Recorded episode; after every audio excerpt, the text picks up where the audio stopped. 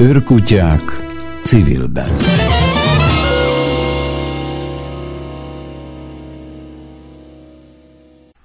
A Habitat for Humanity Magyarország az otthontalan családokon segít, olvashatjuk a honlapjukon, a habitat.hu-n.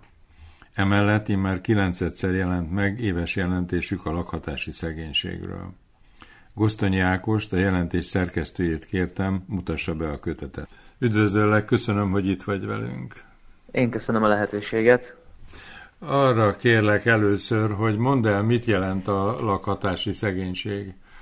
Kik azok, kire mondhatjuk, hogy lakhatási szegénységben él? Hát alapvetően azokat tekintjük lakhatási szegénységgel érintett háztartásoknak, akiket megfizethetőségi, lakásminőségi, energiahatékonysági, területi, illetve jogi szempontból az átlagosnál rosszabb, kiszolgáltatottabb helyzetben élnek. Ez a világon nagyjából másfél milliárd embert érint, Magyarországon körülbelül 2-3 millió főre tehető a lakhatási szegénységben érintettek száma. Nyilván ezt nem lehet pontosan kiszámolni, de ami számomra nem világos, hogy jogi szempontból hogy lehet kategorizálni. Alapvetően valóban ezt nagyon nehéz számszerűsíteni, és különféle módszertanok állnak rendelkezésre, hogy, hogy ezt megbecsüljük, ezért is szoktam ezt a 2-3 millió fő közti számot említeni. Jogi szempontból számos olyan kérdés merül fel, ami alapvetően biztosítva kéne, hogy legyen a háztartások, illetve az egyének számára, de nincsenek. Ebből például kiemelném azt, hogy a, lakhatás alapvetően, a, lakhat, a megfelelő lakhatáshoz való jog alapvetően egy emberi jog, ugyanakkor a legalacsonyabb jövedelmű szegénységben élő háztartásoknak a joga a megfelelő lakhatási körülményekhez csökken, illetve, hogy is mondjam, akadályozva van.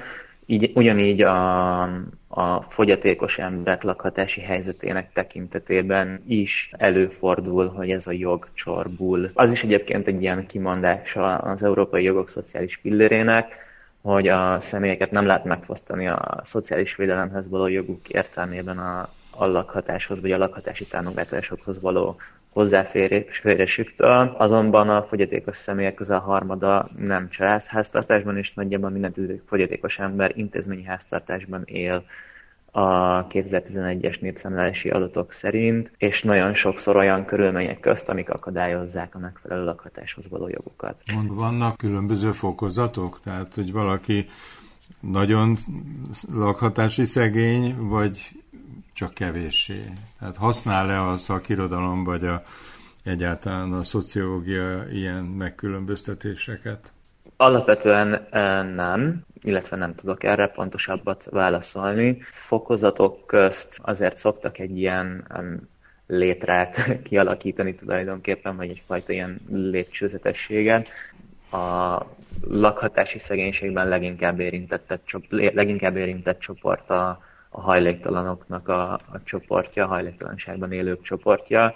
Ugye ebben az esetben is egy fajta lakhatáshoz való jog csorbul, különösen abban az esetben, hogyha ez kriminalizációval is jár.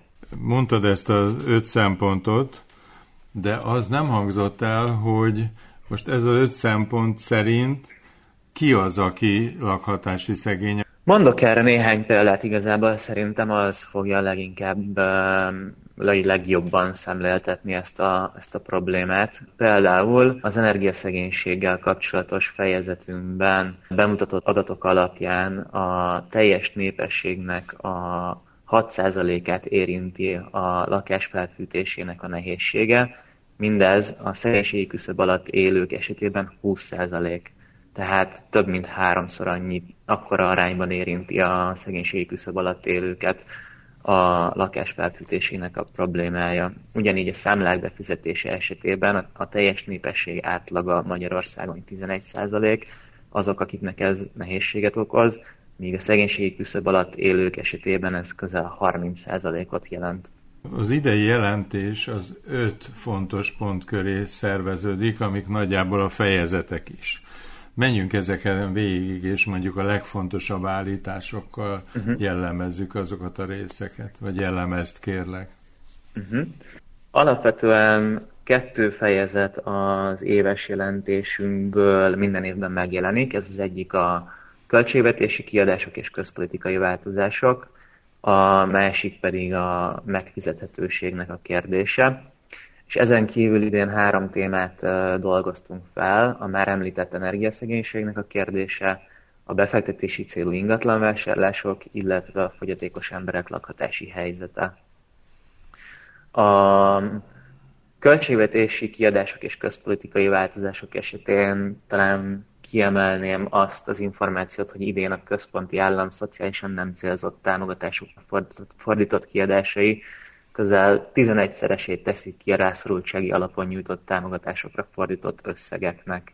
És akkor ki is emelnék egy ilyen javaslatot ezzel kapcsolatban, hogy természetesen a rászorultsági alapon nyújtott támogatásokra fordított összegeknek az arányának radikálisan növekednie kéne, hogy ténylegesen a, a lakhatási szegénységben érintett embereket elérje a megfelelő támogatás, illetve ezzel kapcsolatban fontos, és tavaly is, és tavaly előtt is hangsúlyozott állításunk az, hogy jelenleg nincsen a lakhatási kérdéseknek egyfajta kormányzati hely kijelölve, hanem az sokkal inkább egy szétszálazott, több minisztériumnál, több szereplőnél lévő kérdés, és ráadásul alá is van rendelve a családpolitikai céloknak.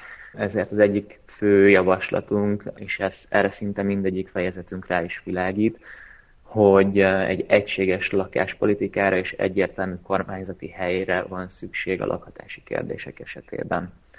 Ezen kívül ugye a, foglalkoztunk a lakhatás megfizethetőségével, ami fejezet idén egy kis csavarral operál tulajdonképpen, ugyanis most kiemelten az eladósodásra fókuszáltunk. Kiemelném, hogy a magyar háztartások felének van két hónapra elegendő tartaléka, és a járvány által okozott gazdasági nehézségek viszont ennél jóval több embert érinthetnek és nőni fog várhatóan a háztartások eladósodásának kockázata és a hátralékok felhalmozása.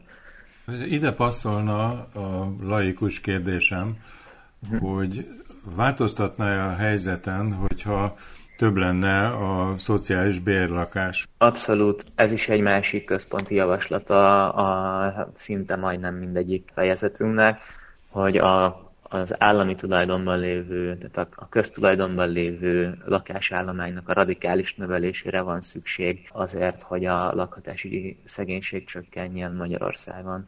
Ugye ennek történelmi okai vannak, hogy Magyarországon is általában véve Kelet-Európában nagyon alacsony a köztulajdonban lévő lakásoknak az aránya a teljes lakásállományhoz viszonyítva. Ez Magyarországon nagyjából 2%-ot jelent egyébként.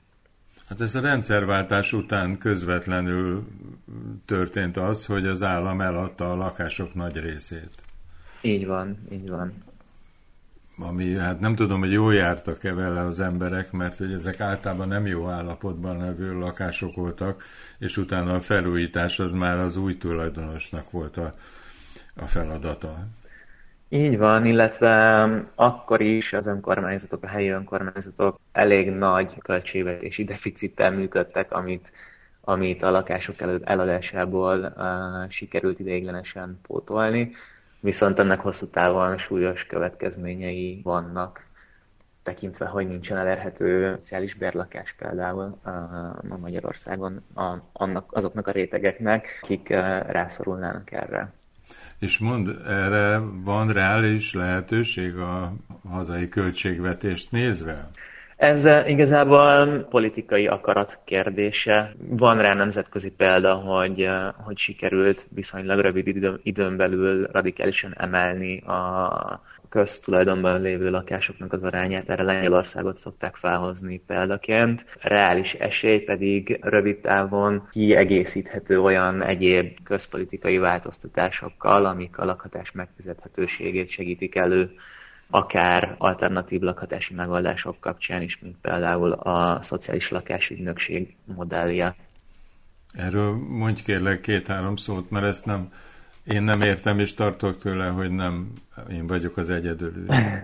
Hát a szociális lakásügynökség modellje az alapvetően úgy néz ki, hogy ha, ha egy lakástulajdonos, aki bérbe szeretné adni a lakását, tegyük fel, hogy nem szeretne bajlódni az, azokkal az administratív és mindenféle fenntartási kötelezettségekkel vagy feladatokkal, amik őket érintik, akkor a lakását tulajdonképpen felajánlhatja egy szociális lakásügynökségnek, akik piaci ár alatt valamennyivel ki tudják adni ezt a lakást, cserébe vállalják a fenntartásnak, illetve az üzemeltetésnek a, a terheit.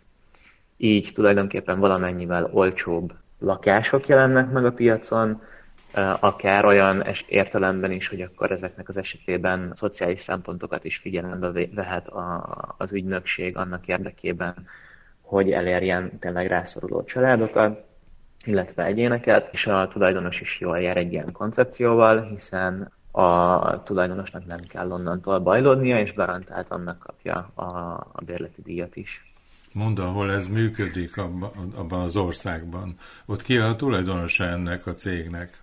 Ez változó. Van, hogy civil szervezetek működtetik ezeket konstrukciókat, erre egyébként Magyarországon is van példa, az utcáról lakásba egyesület üzemeltet ilyen konstrukcióban, illetve ehhez hasonló konstrukcióban megoldásokat, de arra is van példa, hogy önkormányzat üzemeltet ilyen típusú megoldásokat. Még egy kérdésem van. Több szervezet és az önkormányzatok is egy olyan megoldást keresnek, hogy az Airbnb-t kiszorítsák a a lakáspiacról, a bérbeadási piacról, és attól remélik, hogy az árak egy kicsit csökkenni fognak.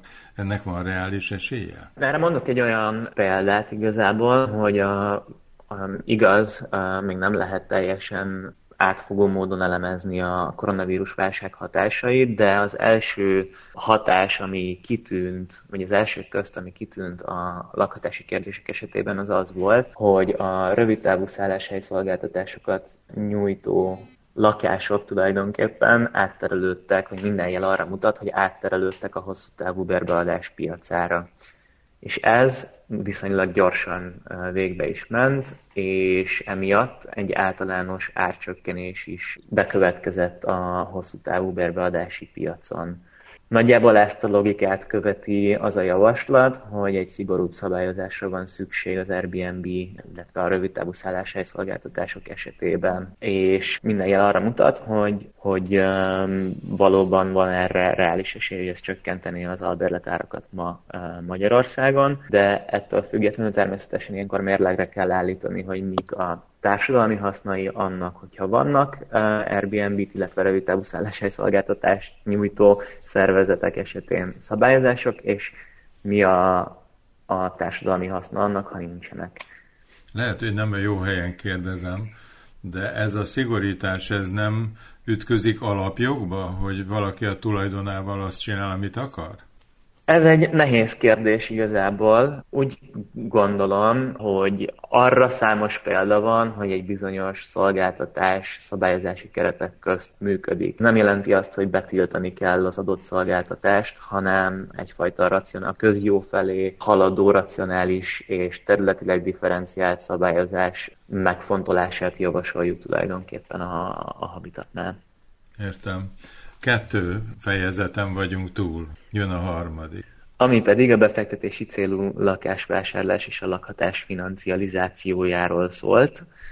Tulajdonképpen ugye ez a fejezetünk ez abból indul ki, vagy a, abból az álláspontunkból indul ki, hogy a lakás akkor jó, hogyha lakják. És uh, igazából abban az esetben, hogyha befektetési célral vásárol valaki lakást, ennek többféle megnyilvánulása is lehet. Optimális esetben ez kikerül mondjuk az albérletpiacra, viszont az adatok alapján azt tűnik ki, hogy elképzelhető, hogy ez inkább a rövid távú szálláshely szolgáltatások piacán jelenik meg, illetve amire sajnos nem sikerült adatot találnunk, az az üresen tartott lakásoknak a, az aránya. Viszont a nemzetközi tapasztalat azt mutatja, hogy ennek a tendenciájának is egyre növekvő hatása van, és hogyha üresen van tartva a lakás, ez azt jelenti, hogy azok kikerülnek a lakott lakások piacáról. Tehát nem az albérletpiacon vannak, hanem üresen egyfajta pénztárolás vagy vagyontárolás szempontjából vannak megtartva, és így tulajdonképpen az elérhető lakások számát csökkentve árfelhajtó hatással rendelkeznek. Egyébként az egy ilyen érdekes adat, hogy az ingatlan vásárlás okának a befektetést megjelölők aránya Magyarországon 2019 első fél évében 40% volt. 2015-től kezdve folyamatosan 40% fölött volt a befektetési célba a vásárlók aránya, ami meglehetősen figyelemre méltó, még akkor is, hogyha ha figyelembe veszik, hogy azok is ide tartoznak, akik például gyerekeik számára vesznek lakást. Ehhez képest például az első lakás vásárlása um, nagyjából 20%-nál tart 2019-ben. Először nagyon megdöbbentett ez az, az adat, de utána végig gondoltam, hogy előző pontban említettek, hogy a, a hitelek a legszegényebbek jövedelmének akár 40%-át is elvihetik. Tehát, hogy a legrászorulóbbak nem tudnak új lakást építeni maguknak. Bizony. Ez abszolút így van, és ettől függetlenül ez egy ilyen, hogy is mondjam, talán megdöbbentő vagy furcsa adat lehet, de hogy a, például az energiaszegénységben érintett háztartásoknak a jó része ettől függetlenül magántulajdonú lakásban él, tehát nem az, hogy bérel, vagy pedig, vagy pedig, vagy pedig szociális bérlakásban, vagy, vagy közösségi tulajdonú lakásban lakik, hanem saját tulajdonú lakásában, és ez egy ez rá is mutat arra, hogy mennyire szükség van egy jól koordinált és egy szegényeket célzó támogatási struktúra kialakítására. Ugyanis például Magyarországon a a legrosszabbul teljesítő épületállomány esetében, ilyen például a sokak számára ismerős kádárkockák helyzete, jó részt magántulajdonban vannak, amelyekre sokkal kevesebb támogatás érhető el, hogy azok felújíthatóak legyenek